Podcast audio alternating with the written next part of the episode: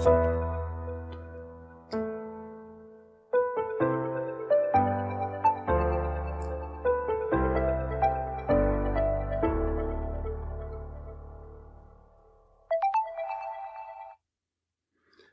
bij de podcast Bewust Vaderschap.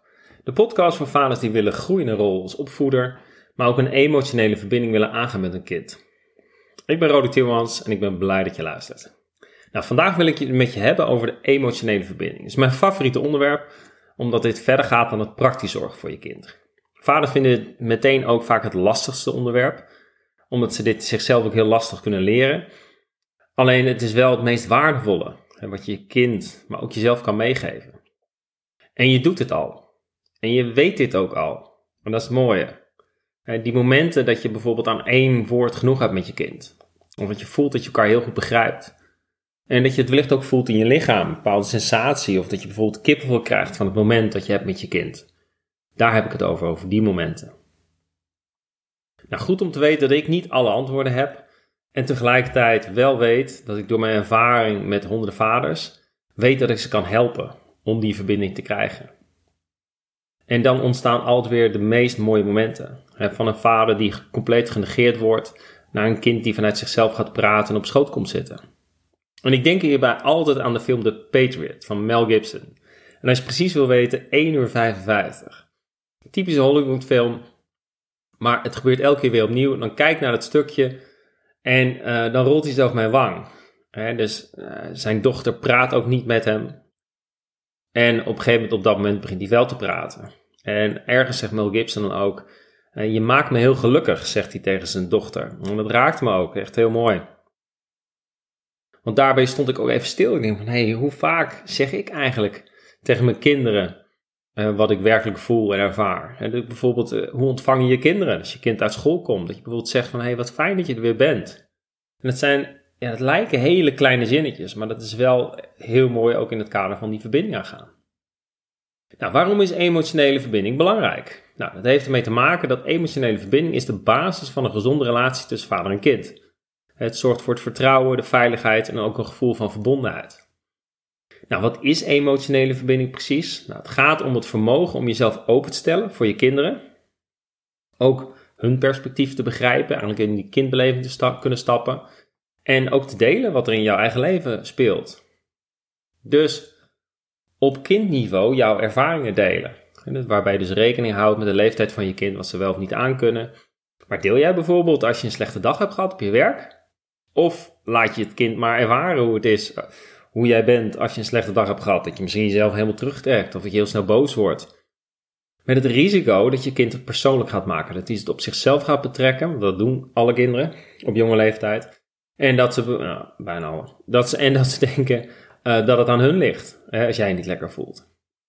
Maar bijvoorbeeld ook als je ruzie hebt met je partner of je hebt geldzorgen. Deel je dat dan? Maar belangrijk om te weten, het is en blijft jouw of jullie probleem. Alleen als je beseft zeg maar, dat kinderen alles in een milliseconde voelen, dan is het wel heel handig om het even te ondertitelen voor hun. Dus even kort uit te leggen. En wat leren ze dan? En dat is het allermooiste, om het zelf te doen. En er zijn heel veel vaders die klagen dat de kinderen niks vertellen. Dat begint hier. Want het moment kinderen doen wat jij doet en niet wat jij zegt.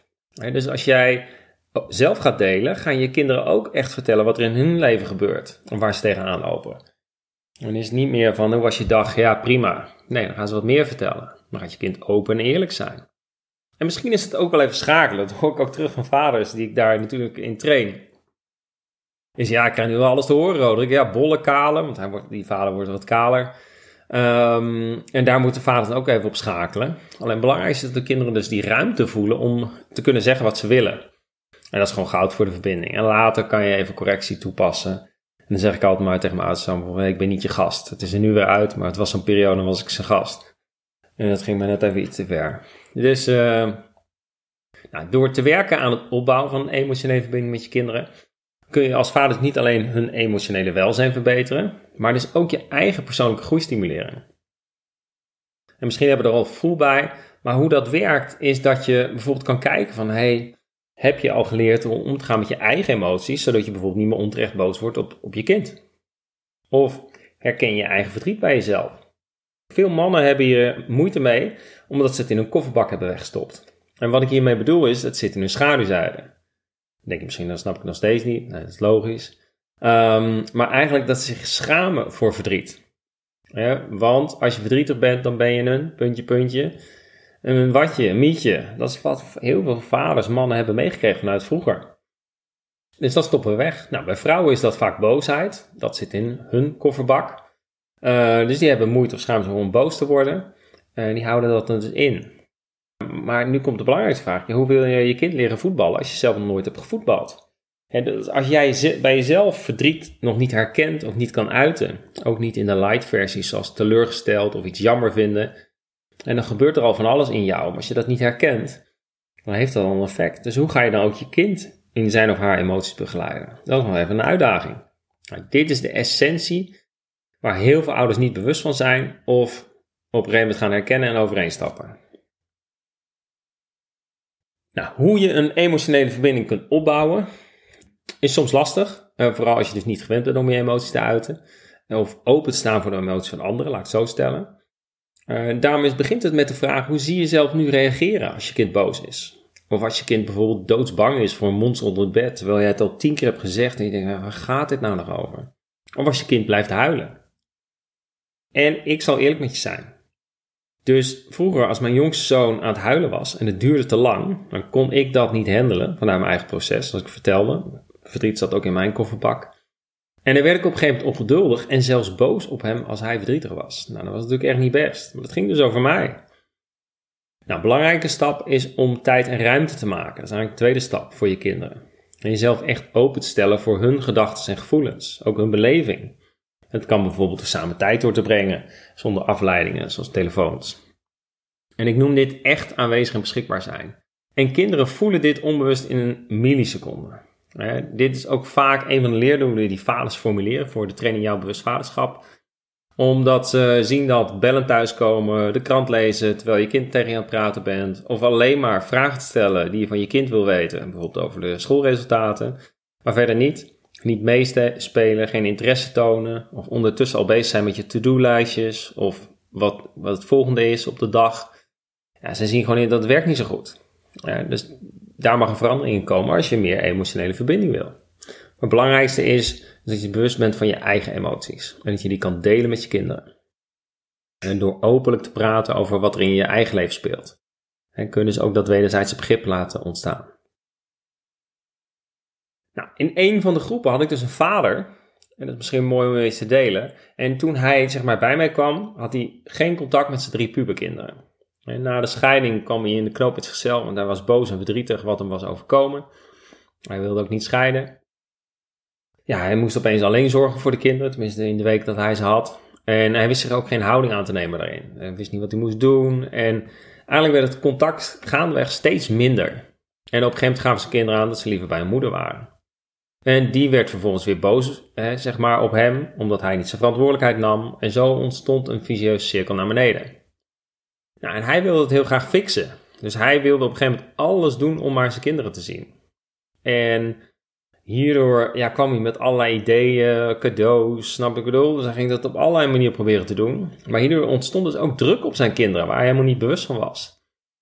Terwijl pubers, ja, die zijn bezig met ontdekken. Ik had laatst een vader zeggen, Rodek, uh, hoe kom ik dan in contact met hem? Ze zijn altijd weg. Dus die, die willen ontdekken. Dus dan een vader die met alle ideeën komt, dat werkt dan ook niet altijd goed. Ik had het laatst nog dat ik opeens niet uh, mocht meevoetballen met mijn middelste zoon. Toen dacht ja, oké, dan zijn we daar aan beland. Jammer. Uh, moest even schakelen. Maar ja, dat gebeurt dan ook. Dus eigenlijk, hij deed alle dingen, maar het werkte averechts. Het was alleen maar erger.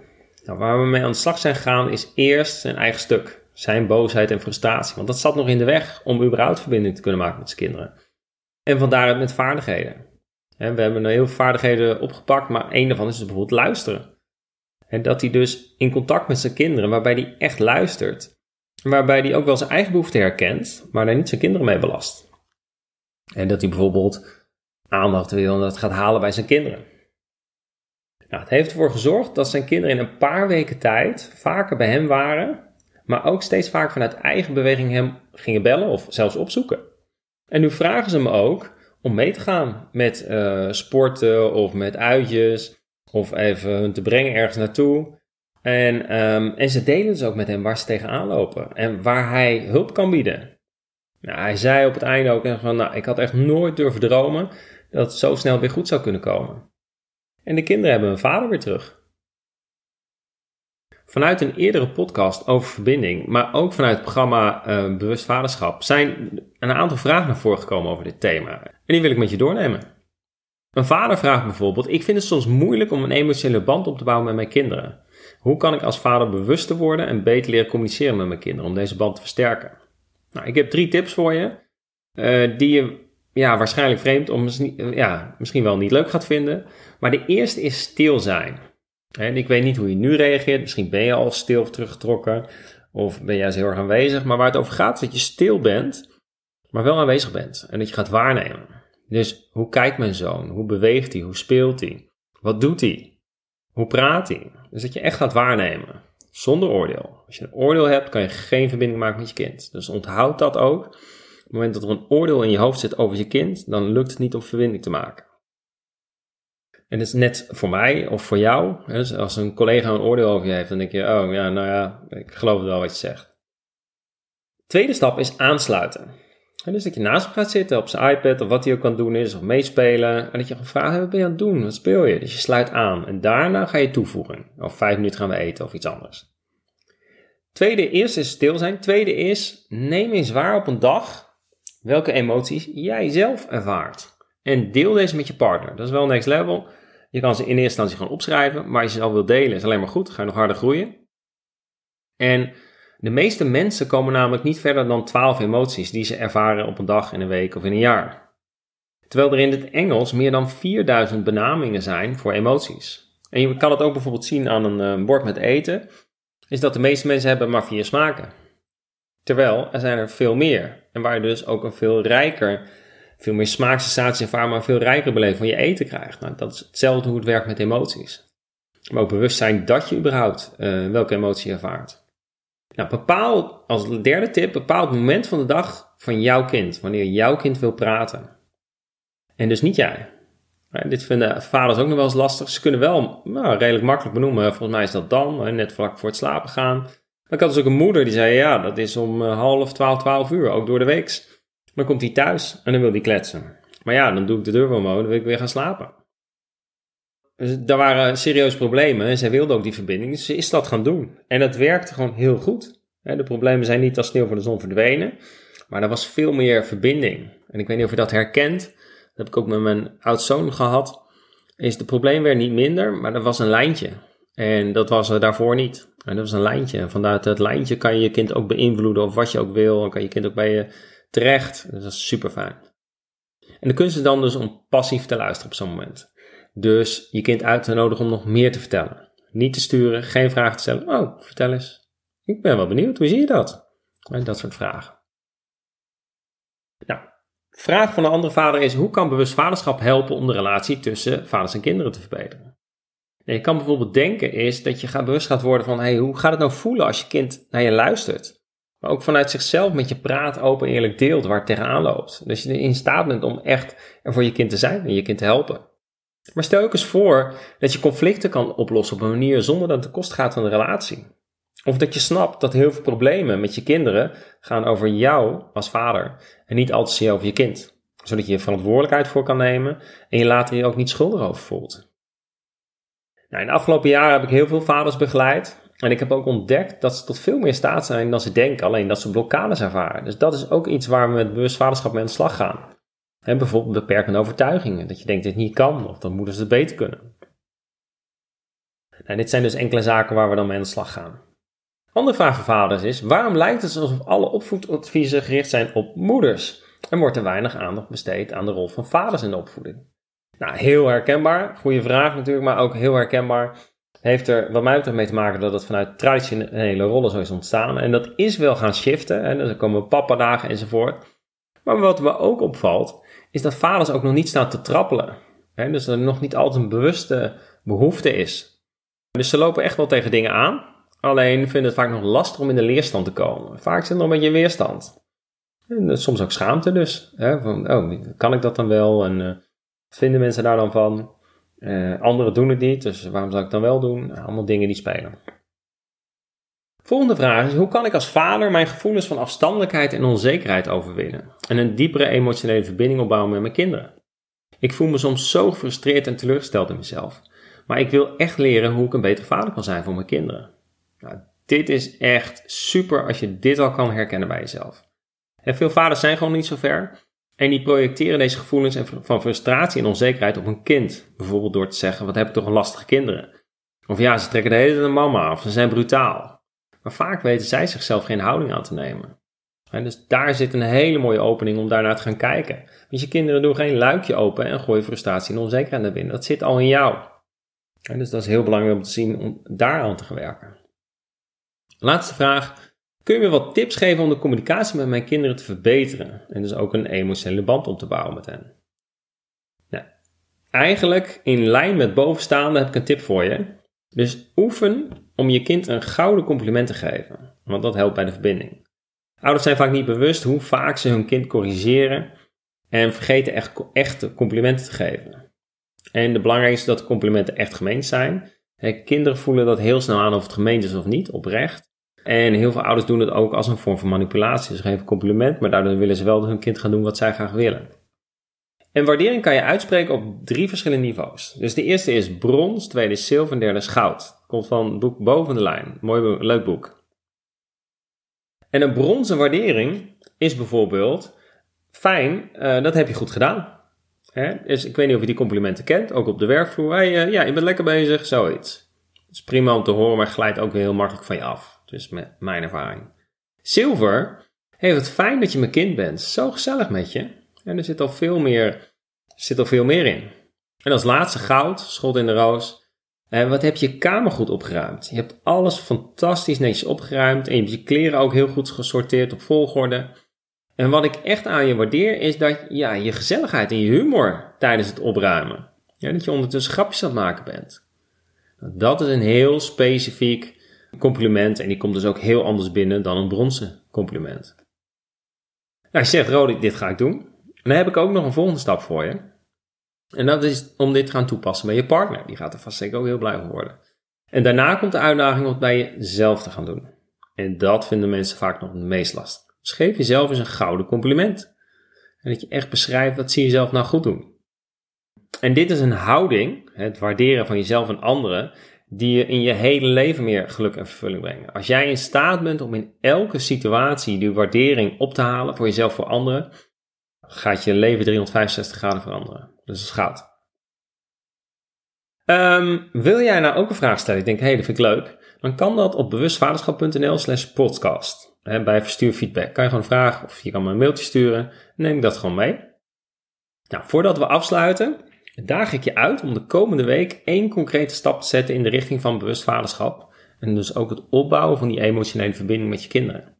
En dat kan iets kleins zijn, zoals het uitzetten van je telefoon tijdens gesprek met je kind. Of dat je op zaterdagmiddag even een extra uur met elkaar samen doorbrengt. Nou, deel jouw stappen en tag ons op social media met de hashtag Bewustvaderschap Challenge. En dan zijn we eigenlijk met z'n allen bezig om betere en mooiere relaties te creëren met onze kinderen. Cool toch? Ook om elkaar daarin te inspireren. Nou, we zijn aan het einde gekomen. Bedankt voor het luisteren naar deze aflevering van Bewust Vaderschap. Als je genoten hebt van deze aflevering, vergeet dan vooral niet om te abonneren. En ook mij te beoordelen, te recenseren op jouw favoriete podcastplatform. Zou ik heel leuk vinden. En als je vragen of opmerkingen hebt hè, over deze aflevering of suggesties voor toekomstige afleveringen, kan ons gewoon bereiken via de website. Weer bewustvaderschap.nl slash podcast. Of via de social media kanalen Facebook en LinkedIn. En dan hoor ik heel graag eh, van je terug. Nou, als je dit interessant vindt, alleen ook snapt dat er vaak wat meer nodig is om bewust te worden, maar ook om oude patronen te doorbreken. Want ik leer een aantal nieuwe patronen, maar als je oude patroon nog steeds loopt, dan is dat een risicootje. Zie je het als een, uh, uh, een platenspeler, een plaat waar een kras op zit. En je gaat er een nieuwe plaat op leggen, dan alsnog klinkt het niet beter. En dus je zal eerst die oude plaat ook even moeten, dat oude patroon moeten doorbreken. Als je daar eh, behoefte aan hebt, schiet dan een gesprek met me in. Ik kijk graag met je mee. Ook daarvan vind je de link terug op de homepage. En tot een volgende aflevering van Bewust Vaderschap. Een hele fijne dag.